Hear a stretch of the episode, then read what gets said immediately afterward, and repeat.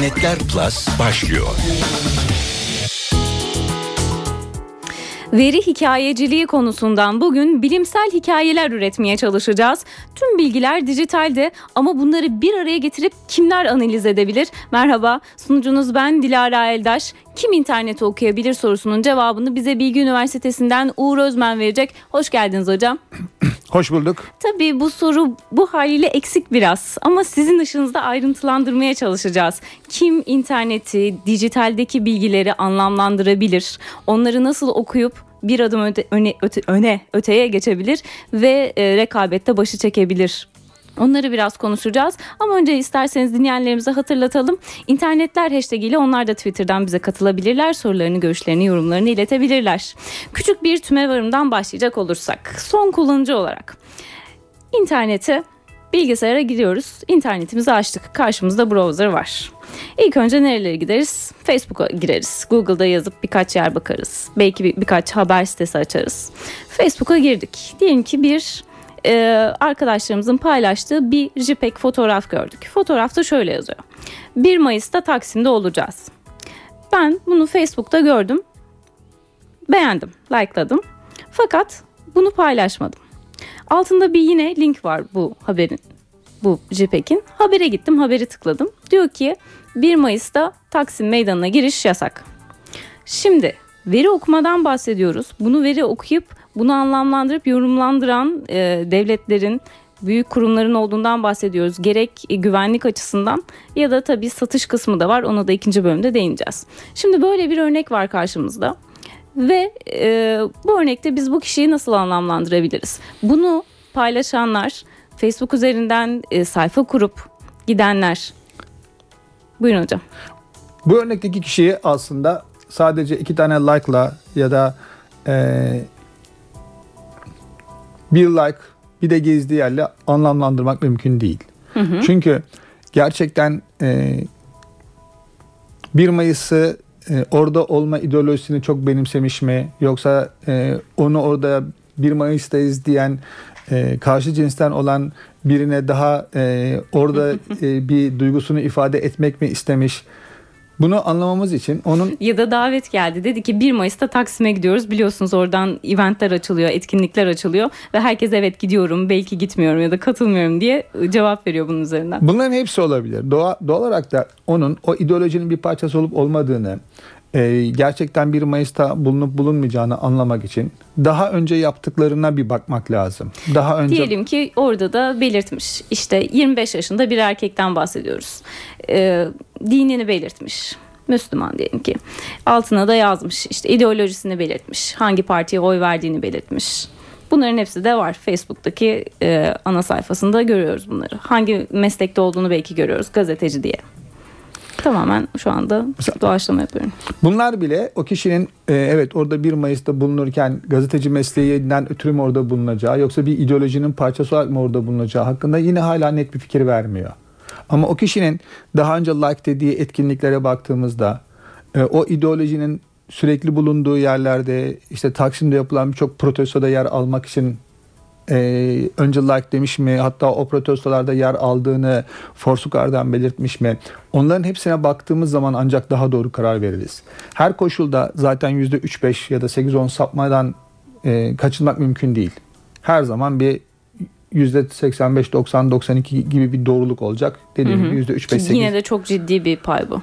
Ama daha iyi anlamak için çok daha fazla sayıda ipucunu değerlendirmek lazım e, yine böyle bir tüme, tüme varımdan başlamış olduk. Peki veri hikayeciliğini bu örnek üzerinden e, biraz anlamlandırırsak nasıl bize açıklarsınız? Şimdi bu kişinin daha çok verisine baktık diye, diyelim ve evet gördük ki e, aslında e, bu eylemlerin her birini e, klavye delikanlısı olarak değerlendiriyor ama aslında e, hiçbir etkinliğe katılmıyor. E, o zaman o zaman onun hakkında zaten bir takım fikirlerimiz olmaya başlıyor. İşte o zaman yavaş yavaş bu delikanlıyı biz gözümüzün önünde canlandırıyoruz. Diyoruz ki bu işte 25 yaşlarında e, gazetecilik mesleğine hevesli ama hala hevesli olmasına rağmen olay mahallinde bulunup da e, yayın yapma peşinde çok da değil. Evde oturup e, sağdan soldan içerik toparlamaya çalışıyor. Hı hı. Sonra bu ilk birkaç fikri oluşturduktan sonra da dönüp yeniden bakıyoruz. Bu ilk fikrimiz doğru mu değil mi diye. Doğruysa mesele yok. Değilse ha demek öyle değilmiş. Aslında e, bütün bu yapmalarının sebebi, bütün bu e, etkinliklerin hepsine like demesinin sebebi yakın arkadaşları o etkinliklerde şöyle de böyle bulunuyor. Bu da onlardan o topluluktan uzak kalmamak, arkadaşlarla dışlanmamak için yapıyor demek ki diye bir fikir daha üretiyoruz. Dönüp ona bakıyoruz. Yavaş yavaş böyle her seferinde mümkün olduğunca kendi ürettiklerimizi veya o kişinin bize ipuçlarını verdiklerine bakıp bu kişi hakkında yeni yeni fikirler sahibi oluyoruz. Tabii bu ipuçları nedir? Sadece Facebook'tan gelmiyor. Bu ipuçları tabii ki önce demografik yapısını göz ardı etmemiz mümkün değil. Sonra e, Facebook'tan, Twitter'dan, e, Foursquare'dan kendisinin nerede olduğunu ve o sırada ne yaptığını belirten aslında her ipucu LinkedIn'den örneğin bunlara baktığımız zaman bunları doğru değerlendirerek o fikri daha iyi oluşturuyoruz. Bir bakıyoruz arkadaş 25 yaşında kendisinin gazeteci diyor ama LinkedIn'den baktığımız zaman e, son iki buçuk yıl içinde dört kere iş değiştirmiş. ha, yani bu arkadaşın bugün gazeteci yarın muhtemelen e, araba tamircisi ol, olma ihtimali var mı yok mu onu düşünmeye başlıyoruz. Bir diğer deyimli de aslında kendisinin sosyal mecrada bıraktığı tüm ayak izleri bizim onu daha iyi tanımamıza fırsat veriyor. Aynı şekilde düşüncelerine belki Twitter üzerinden bakıyorsunuz. Ee, şimdi gözle gözlersek yani okuyarak yaparsak bu daha zor değil mi? Çok daha kolay. Öyle mi? Tabii. Ama o zaman milyonlarca insanı böyle değerlendiremiyoruz. Milyon, Ama evet, genel şir- olarak yapmak zor. Şirketler olduğumuz zaman e, veya e, büyük kamu kurumları olduğu zaman bu, bu durumda ancak makineler sayesinde e, o konuştuklarını yakalayacaksak o zaman dil bilimi dil bilim işin içine çok ciddi olarak giriyor. Benim bu e, sosyal CRM'le ilgili dünyada ilk dinlediğim insanlardan bir tanesi bir linguistik hocasıydı. Linguistik profesörüydü ve hangi dilde ne kadar zor olduğunu anlatıyordu. En zor hangi dildeymiş acaba? Şimdi tabii ki Türkiye henüz o, e, o zaman onların e, e, kavramlarında İngilizce, Almanca, Fransızca gibi diller üzerinde daha çok duruyorlardı. Türkçe bakış açısında yoktu. Ondan dolayı birden birden çok dil bilen birinin karşılaştırmasını görmedim ama Türkçe hmm. en azından şunun için zor. Biz dehşet dediğimiz zaman dehşet seviyor muyuz yoksa ürküyor muyuz belli değil. E, giderek üstelik de e, korkunç güzel e, öldüm dediğimiz zaman se- öldüm bayıldım sevinçten ve zevkten mi öldük o pek belli olmadığı için e, bunlar Türkçe benim, daha zor. Evet bunlar benim karşıma önceden e, zararlı kelimeleri etiketlerken çıkmıştı karşıma. Yani arayüzlerde bunu yapabiliyoruz bilmeyen dinleyicilerimiz için söylüyorum. İnternette diyelim ki sizin gel- geldiğiniz bir siteye, sizin e, yaptığınız bir siteye dışarıdan yorum bırakacaklar. Hangi kelimelerin orada olmaması gerektiğini işaretleyebiliyorsunuz. Ama dediğiniz gibi dehşet kelimesini oraya koyabilirsiniz. E, bilgisayarda onu algılar, formatta onu algılar. Fakat belki de orada aslında çok güzel bir şey söylüyordur. Dehşet çok sevdim, dehşet bayıldım gibi şeyler de söylüyor olabilir. Yani çocuklarının ya da arkadaşlarının sevgisini küfürle ifade eden bir topluluk olan bir yerde e, tabii ki dil bilimcilerin işi oldukça zor. Dolayısıyla bunları anlamlandırmak da biraz zor olabilir. Ama artık Türkçe, dijitalde çok fazla Türkçe içerik var, Türkçe veri var. Çok fazla biz üretiyoruz artık birçok ülkeye göre.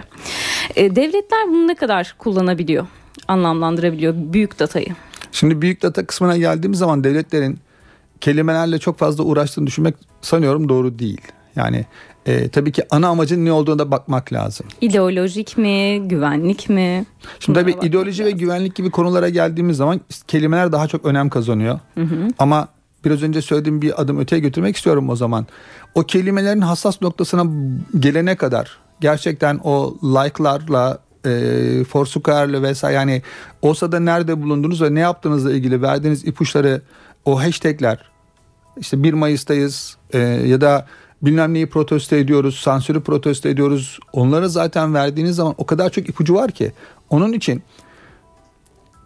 Big Data içindeki yapısallaştırılmamış datayı bulup da onu yorumlamaya ihtiyaç bile yok. Ha, daha öte düzeylere çıkacaksak yani işin güvenlik veya ideoloji kısmını geçtim ama trafik kısmını konuşacaksak o zaman evet e, daha yapısallaştırılmamış dediğim trafik akışı e, ve bu gibi verileri Yapısallaştırmaktan ne kastediyoruz? yapısallaştırmaktan şunu kastediyoruz. E, sadece bir kelimeyi bulup kelimeyi doğrudan doğruya bir veri ambarına ya da bir araştırma motorunda izleyip nerelerde hangi sıklıkta ne kadar çok geçtiğini bulmak kolay. Ama diyelim ki bir insanın vücut hareketlerini ki e, yapılan çok önemli çalışmalardan bir tanesi bu. E, Big Data için verilen güzel örneklerden bir tanesi. Havaalanında vücut hareketlerine bakarak en tehlikeli 4-5 kişiyi hatta 3 kişiyi bulmak. Böylelikle de güvenlik görevlilerini doğru zamanda doğru noktaya kanalize etmek. Şimdi böyle bir şey konuştuğumuz zaman e, bir kelimeyi yakalamak o kelimenin ya da o hashtag'in ne kadar geçtiğini ve nerelerde kullanıldığına bakarak karar vermek kadar basit bir şey değil. O zaman ister istemez e, işte bu, bu kelime yapısal. Yani bir motor bulup kaç tane nerede geçtiğini bulabiliyor ama vücut hareket, vücut hareketlerine geldiğimiz zaman o vücut hareketleri benzer hareketleri yapan insanların tehlikeli olduğuna karar vermiş daha önceden yapılmış bir model var ve o modele göre vücut hareketlerini alıp bu hale getirmek gerekiyor. Yapısallaştırılmamış Evet, data dediğimiz bambaşka bir şeyden bahsediyoruz. resimler, videolar, e, şekiller, bu çeşitli davranışlar, e, ne bileyim süpermarkette bir şey alırken ki göz hareketleriniz. Bunlar şu anda yapısallaştırılmamış dediğimiz şeyler. Evet iki ayrı şeyden bahsediyoruz. İki ayrı noktası var işin. E, Devletler dedik ki hani çok fazla hayır bunları yapamıyoruz, yapamıyorlar dediniz. Peki bunu en fazla kim yapabiliyor? Şu anda bu big data'yı okumayı kimler başarabiliyor? Şimdi devletler için bir şey söyleyemem. Çünkü Zaten yapıyorlarsa da yaptıklarını Yapıyorlarsa çok biz çok açık bilmiyoruzdur. açık da söylemiyorlardır. ama şirketlere geldiğimiz zaman e, tabii ki elinde burada elinde big datası olan bir sürü şirket var. Yani bırakalım dünyadaki o büyük e, Amazon'u, Google'u, Facebook'u vesaire. Şu anda Türkiye'deki GSM operatörleri de bankalar da aslında milyonlarca insanın her türlü işlemine sahipler ya da her türlü telefon konuşmasına ya da e, Türkiye'nin büyük internet sitelerinin hemen hepsi yine milyonlarca insanın önce neyi klikledi, neye baktı, neyi neyle karşılaştırdı, neyi satın almaya karar verdi, neyi hangi aşamada bıraktı. Bütün bu veriye sahipler. Yani bir açıdan onların zaten big datası var. Ha, anlamlandırıyorlar mı diye sorduğunuz zaman işte onların orada çok başarılı olduğunu söyleme şansımız yok. Peki ama neden? O kadar fazla biliyorlar aşama aşama. Diyelim ki ben bir elektronik ticaret sitesine girdim. Bir tane kırmızı elbise gördüm. Hmm dedim. Bir, bir üst- üstüne tıkladım elbisenin. Elbiseyi büyüttüm. Baktım arkasına önüne. Sonra bir sonraki aşamasına gittim. Fiyatını gördüm. Bana uygun bedeni var mı ona baktım. Sonra bir sonraki aşaması işte kredi kartı seçeneklerini gördüm. Ve o sırada çıktım. Bunu artık internet siteleri bilebiliyor. O aşamada çıktığımı görüyorlar ve diyorlar ki "Hmm, evet kredi kartı seçeneklerinde çıktı. Ya o bakan kişinin e, kre- uygun kredi kartı yoktu örneğin. O yüzden çıktı. Bu yüzden buradan bir anlamlandırma yapılabiliyor değil mi? Tamamen de bundan bahsediyoruz aslında. Tamamen ondan bahsediyoruz. Peki dolayısıyla bu kadar büyük dataya sahip olan şirketler dediniz ki telefon görüşmeleri ne kadar biliyorlar? Neden bunu anlamlandıramıyorlar? İşte bu e, ta ilk başta girdiğimiz konu o veri hikayeciliği kısmı o. Bu verileri anlamlı şekilde hikayelendiren yok. Erdil Yaşaroğlu'nun çok güzel bir karikatürü var. Şimdi bir karikatürü böyle anlatmak komik olacak ama falcı teyze bir tavuğun falına bakıyor. Diyor ki bu sabah yumurtlamışsın ben de iki, bir tane sen de iki tane diyor. Aa iki tane diyor. Sonra devam ediyor falcı teyze. Üzgünsün arkadaşlarını kesip yemişler. Tavuk dönüyor yanındaki diğer tavuğa. Aa her şeyi biliyor diyor. Şimdi buradaki önemli olan nokta şu. Genellemek mi? En iyi bilinen noktadan başlamak. en az veriyle en iyi bildiğiniz noktadan başlayıp da yavaş yavaş modeli ilerletmezseniz bunu öğrenemezsiniz. Bu firmalarla konuştuğumuz zaman iki şeyi aynı anda söyler. Bir ellerinde her şey var. İki buna rağmen datamız kirli, datamızı yönetemiyoruz. O kadar çok şey var ki yapamıyoruz. Şimdi buradaki büyük hata bu falcı teyzenin olayını yapmamak. Yani en belirli iki tane, üç tane veriyle başlayıp onları hikayelendirip daha sonra bunu daha iyi anlamam için Dilara Eldaş'ın şuna da baktığını görsem. Ben Dilara Eldaş uzun elbiselere mi bakıyor, kısa elbiselere mi bakıyor? Eğer onu ayırt edebilirsem ha ben o zaman Dilara'nın giyim şey hakkında bir fikri olurum de- der. Diyelim ki Dilara daha çok e, serbest hayatta giydiği pantolonlara işte blue vesaire bakıyor. Şimdi bunları buldum ve bunları ben hikayeleştirmeye başladıktan sonra Dilara kalkıp da bir uzun elbiseye baktığında yakınlarda demek ki bir parti var ya da bir düğün var diye hikayeleştirmeye başlayabilirim. Yeter ki ilkinde Dilara'yı doğru tahmin e, Yeter ki ilkinde Dilara'yı doğru tahmin ede, tahminlemiş olayım. Ve dolayısıyla ondan sonra bir hikaye başlıyor. Sizin beğenebileceğiniz şöyle ürünler var deyip başka ürünler gösterilmeye başlanıyor bana ve ben onları tıklayıp oradan devam ediyorum. Tamamen öyle ve satın aldıklarınıza bakıyoruz. E, otomatik bulaşık makinesi ve otomatik deterjan almışsınız. Tamam demek ki Dilara'nın yaşam tarzı hakkında da bir fikrim olmaya başlıyor. Şimdi bunu da biraz önce söylediğim gibi doğru modellemişsem Dilara e, şu yaşlarda şöyle bir yaşam tarzı olan e, çoğunlukla serbest kıyafetle gezen bir arkadaşımız. E, diğer satın aldıklarına bakarak da orta üst gelir grubunda diye, diyelim ki modelledim. Arkadan Dilara'nın satın aldıkları içinde Arap sabunu çıkarsa bu Dilara evin halısını kendisi yumayacağına göre eve bir temizlikçi geliyor diye bulma şansım da var. Şimdi, Evin içine de girdik yani. Devam edeceğim. İşte Big Data'nın birçok yerde anlatmaya çalıştığım bu Big Data'yı şirketler için, hı hı. hükümetleri bir yana bırakıyorum. Bırakalım. Şirketler için korkulur olmaktan çıkaran çıkarmak için bu veri hikayeciliğini yapmamız lazım. 2-3 veriyi doğru başladım. Dilara'ya doğru tahmin ettikten sonra her gelen veri belirsizliği azaltıyor. Hani Arap sabunu bir istisna olduğu için kafamı karma karışık etmiyor. Tam tersi o daha önceki sistemimdeki Dilara için bana yeni bir ipucu daha veriyor.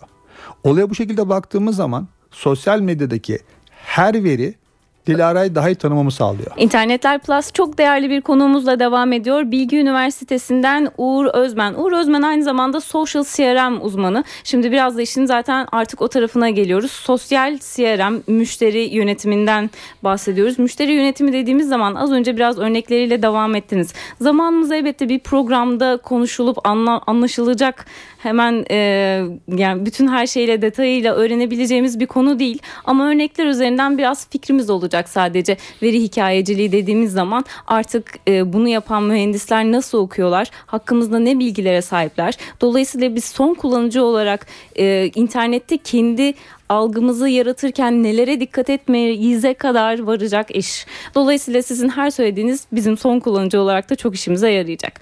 Devam edelim. Bir örnek vermişsiniz onun üzerinden devam ediyordunuz. Her büyük veri anlamlı mıdır? Çünkü eskiden mesela şöyle bir örnek vardı hani gel, işin geleneksel kısmından örnek verecek olursak. Magazinciler, magazin gazetecileri e, popstarların ya da starların çöplerine dahi bakardı. Oradan bile bir bilgi toplamaya çalışırlardı. Demek ki çöp bilgi benim için çöp olan şey sizin için çöp olmayabilir. Ee, çok güzel bir yaklaşım aslında. Ee, çünkü bu ar- arkanızda neyi bıraktığınızla ilgili bir şey bu çöp. Yani burada çöp diye bahsettiğimiz sosyal mecraya geldiğimiz zaman arkanızda bıraktığınız sosyal mecradaki ayak izleri. İşte bu ayak izlerine bakarak hele ilk başta bunu özellikle tekrar vurgulayacağım. CRM'i doğru yapıp da müşteriyi doğru tanımladıktan sonra müşterinin arkasında bıraktığı her bir iz bir ipucu. Onu daha iyi tanımamızı sağlıyor.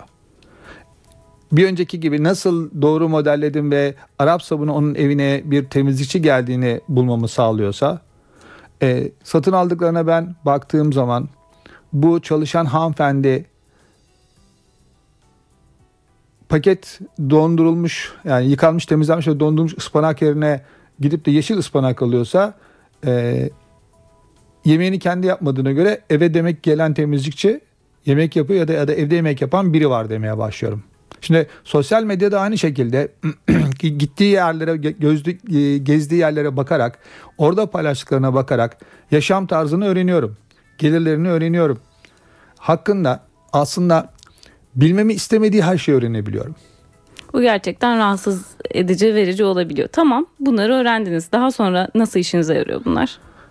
Şimdi bunun en basitinden başlayalım. Yavaş yavaş karmaşık bir hale getirebiliriz. En basitine e, sevgili Ercüment Büyükşener söylemişti bunu. Selamlar olsun. Buradan da kendisi de Bilgi Üniversitesi'nde öğretim görevlisi. E, çatı aktarmak istiyorum.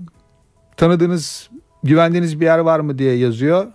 Eskişehir'de bir kobi hemen biz yaparız diyor ve bu işe alıyor. Twitter'da mı yazıyor bunu? Tabii Twitter'da yazıyor. Twitter'da yazınca o kelimeyi çatı, aktarma, e, tamirat vesaire kelimelerini zaten izleyen bir kobi hemen bu işe talip oluyor. Kobiler hocam bunu nasıl izleyebilirler? Kobiler şu anda Twitter'ı bile yeni yeni kullanmaya başladılar. Bunu nasıl izleyebilirler? Arama motorundan yani Twitter'ın o sıradaki e, arama bölümünden her seferinde bu isimleri tekrar tekrar e, aratamayacağına göre nasıl takip ediyorlar bunları? Aslında bunu he, hepimiz her bireyin yapabileceği bir şey var. Yani Google'da bunlar çıkarsa bana haber ver dediğiniz zaman geliyor. Google'ın böyle bir hizmeti var. Var 24 saat sonra geliyor.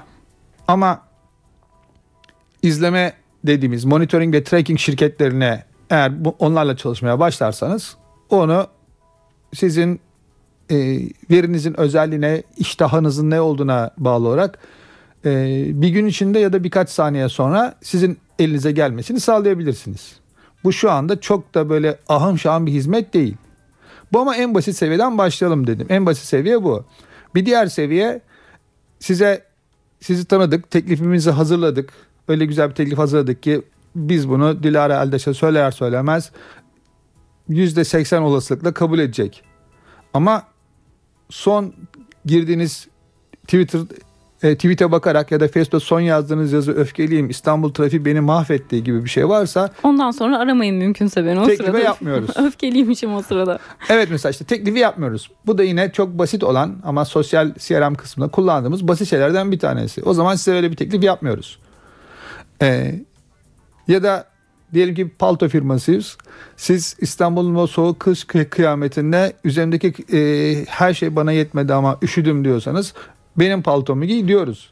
ama tabii burada yol kazaları olmuyor değil. Mesela. Ee, tabii gerçekten yapan firma bir palto firması değil ama ben palto firmasına uyarlayayım. Ee, sevgilim sen yanında yoksun bundan dolayı üşüyorum diyen adama da üşüyorum kelimesini görüp de palto giy deme gibi bir teklif yapma şansı da var. İşte, Dalga mı geçiyorsunuz benle yahu diye dönersin dola- dolayısıyla. işte işin bu hani e, kelimeyi doğru yerden yakalamak. Hani e, biraz önce bahsettik ya 1 2 3 kişiyi gözle yakaladığımız zaman rahatça bulabiliyoruz ama iş milyonlarca müşteriye çıktığı zaman o kelime ve kelimenin önünde arkasında ne olduğunu bulmak gerekiyor. Dil bilimcinin çalışması gerekiyor dediğimiz kısmı burası. Yani dolayısıyla bütün her şeyi e, robotik olarak bırakıyoruz. Bir orada bir otomatik bir sistem var ama e, son e, olarak tekrardan kullanıcıyla iletişime geçerken ya da müşteri diyelim artık müşteriyle iletişime geçerken orada bir insani bir şeylerin olması lazım. İnsani bir refleksin olması lazım. İşte ya o insani refleks olacak ya da önünde arkasında aşk, sevgi, sensiz vesaire gibi cümle varsa o zaman o teklifi yapmayacağız diye yine onu robota ekleyeceksiniz. evet. Bu şekilde e, yani şirketler sizi daha çok tanıdıkça kendilerinin eğer uygun bir şeyi varsa giderek daha fazla sunuyorlar. Ama zaten büyük bir çoğunluğumuz yaşam tarzımızdaki, yaşam evresindeki değişiklikleri paylaşıyor. Askere gideceğini paylaşıyor, askerden döneceğini paylaşıyor, nişanlandığını paylaşıyor, evlendiğini paylaşıyor, e, bebek beklediğini paylaşıyor. Dolayısıyla hemen Facebook'ta köşede bir reklam görebiliyor. Bebek bezi reklamı görebiliyor örneğin. E tabii bizim burada yapmaya çalıştığımız şirketler olarak e, bir bebek bezi reklamı vermek değil. Tam işte onu o sırada yakalamak. E, öğrencilerimize yaptığımız basit beyin jimnastiği çalışmalarında e, birinin askerliğinin bitmek üzere olduğunu hangi sektörler bilirse para kazanır dediğimiz zaman 10 10 küsur sektör. E, evlenmek üzere olduğunu bilince para kazanacak sektörler 20'nin üzerinde. E, bebeğin olacağını bildiği zaman erken teklif ederek erken teklif etmek isteyen yani bir müşterisinin yaşam evresinin o aşamasında bebek beklediğini bilmek isteyen sektör ise 40'ın üzerinde. Yani aslında orada herkes için bir fırsat var. Şirketlerin bunu işte ama kimse insanlar evlenmek üzere olduğunu yazıyor da bebek bekliyorum diye yazmıyor. Hangi cümlelerle bunu yakalayacaksınız da o 40'ın üzerindeki sektörden herhangi birinde çalışıyorsanız bunu nasıl teklife çevireceksiniz? İşin işte uzmanlık kısmı o zaten. Sadece sanırım teklife çevirmekle de iş bitmiyor. Bir de onu kabul ettirme kısmı var. E tabi yani ya- yakalayıp da teklif ettiğiniz herkes kabul etmeyeceğine göre sizin onu güzel paketlemeniz lazım ki e, bu Ayşe'ye söylemekle Dilara Aldeş'e söylemek arasında fark olacaksa onu da sistem içine koymanız lazım. Ama yine de artık hedefi daha da küçülte, küçültmüş olduk bu durumda ve biraz daha 12'ye yaklaşmış olduk. Artık bir hedefli reklamcılıktan bahsediyoruz. Davranışsal yöntemleri de biraz konuşmuş olduk. Davranışları nasıl şekillendi de onun üzerinden bu hedeflere vardık diye. Fakat e, mesela şu sorunun üzerinden devam edecek olursak Twitter'dan gelmiş. Sernur diyor ki Big Data tüm dünyayı bir Truman Show'a çevirmenin diğer adımı. Her hareketimiz gözlem altında. Yani biz küçük dünyamızdayken herkes aslında bizi izliyor ve biz bunun farkında değil miyiz diye. Ben biraz bunun dışından aslında bu konuya pek girmeden devam etme taraftarıydım. Fakat bu endişe kaçınılmaz. Yani biz bunlardan bahsederken evet herkes kişisel olarak kendi durumunu, kendi dünyasından baktığı zaman bu endişeye varıyor. Bir büyük Truman Show olur mu? Aslında oradaki kişinin kendisinin Truman olup olmadığı ile ilgili bir konu. Yani şunu kastetmek istiyorum. Eğer siz her şeyinizi sosyal medyada paylaşıyorsanız ve sosyal medyanın size söylediği şeyi yapıyorsanız Truman olmaz kaçınılmaz. Ama siz sorgulamayı, daha bilinçli olmayı, size sunulan nesneyi kafanızda iki kere çevirmeyi öğrenmişseniz Truman olmaktan uzaklaşırsınız. Ee, tabii ki Wikipedia'ya girdiğim zaman ben özellikle Türkçe Wikipedia'da CRM ve Social CRM ile ilgili yazanların hepsi yanlış. Mesleği CRM olmayan bir tanesine toplam kalite yöneticisi yazmış bir başkasına PR'cı yazmış. Şimdi ona doğru inanırsanız evet orada Wikipedia'da okudum doğru diye başlarsanız Türeman olmanız kaçınılmaz. CRM dediğimiz şey müşteri ilişkileri yönetimi zaten her zaman vardı. Fakat başına sonradan bir social kelimesi geldi. Bu da tahmin edeceğimiz üzerine internetin gelmesiyle mi oldu? Sosyal medyanın çıkmasıyla mı oldu?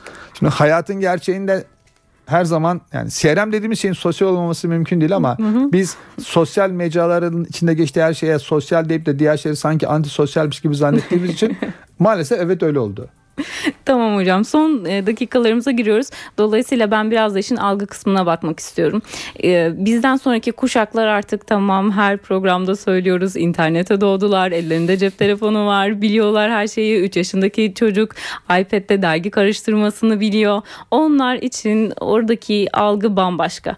Ve evet daha da kendilerini ön planda tutuyorlar. Yani bizim tarafımızda bizim zamanımızda biz kendi ismimizi soy ismimizi internete girmeyi girmemeyi tercih edip rumuz kullanırken şimdi Google'a yazdığımızda neden ismimiz hakkında bu kadar az şey var diye endişe ediyoruz. Tam tersi vaziyete geldik. E, dolayısıyla bu imaj algısı insanın kendisini yönetmesi nasıl devam edecek? Ben kendi e, kardeşlerim, kız kardeşlerime zaman zaman salık veriyorum kendi çapımda ya da küçük kuzenlerime. Çok tatlı bir fotoğraf paylaşıyor ama 5 yıl sonra belki o fotoğrafı başkalarının görmesini istemeyecek. Ay ne kadar aptalmışım bu fotoğrafta diyecek. Bu tabii çok önemli bir nokta. Özellikle evet şimdi internette her şeyini ama her şeyini paylaşan nesil için. Hatta daha böyle acı bir şey şekilde söylemem lazım bunu. Kendisinin kendisini bir marka olarak konumlayıp kendisini yönlendiremeyen arkadaşlarımızın markaların marka temsilcisi olup da markalar adına onları yönetmeye kalktığı bir dünyada yaşıyoruz. Ee, ama o genç nesile tabii ki söylediklerimizin hepsi faydasız olacak ama e, şunu söylemek mümkün. Evet gerçekten 5 sene sonra 10 sene sonra baktığınız zaman hoşunuza gitmeyecek bir şey oraya koyuyorsunuz. Ee, ki onun da farkında değiller çünkü 5 yıl sonra nasıl biri ya 10 yaşındaki bir kız çocuğuyla ki Facebook'ta belki Facebook'ta olması bile yasak olmaması gerekiyor. Fakat 15 yaşına geldiğinde nasıl bir ruh halinde olacağını o da bilmiyor aslında bakarsanız. Şimdi tabii 10 yaşındayken bunu engelleme şansımız yok ama bunu peki 20'li 25'li yaşlarda yapanlara ne diyeceğiz? Orada benim çok ciddi soru işaretlerim var. Ee, kendilerini bir marka olarak yönetmeleri gerektiğini en azından şunun için söyleyeyim. Aralardan, aradan 15 sene sonra 15 sene geçtikten sonra ya baba sen bana çalış çalış diyorsun ama senin geçmişine baktım bir tane doğru dürüst hareketin yok. Baştan sona oralarda buralarda gezmişsin. her yerde tozmuşsun. Çalışmamakla övünmüşsün. Tembel olmakla övünmüşsün. İşlerin çeşitli numaralar yapmış. Üç kağıtlar çevirmişsin. Sen bana niye öğüt veriyorsun derlerse ne, ne diyecekler bilemiyorum. E kızlar annelerinin ne ne söyler onu hiç bilmiyorum. evet bizi izleyen dinleyenlerin şu anda gerçekten hani yaş seviyesinin daha da küçük olmasını ve bunların daha anlaşılır olmasını çok dilerdim. İnşallah öyledir. İnşallah birkaç kişiye buradan faydalı mesajlar verebilmişizdir hocam. Umarım. Çok teşekkür ederim yayınımıza katıldığınız için. Ne yazık ki süremizin sonuna geldik. Yani bir başka programda tekrardan ben sizi konuk etmek isterim. Çok keyif aldım. Tekrar çok teşekkür ederim katıldığınız için. Ben teşekkür ederim. Haftaya biz yine burada olacağız efendim. Hoşçakalın.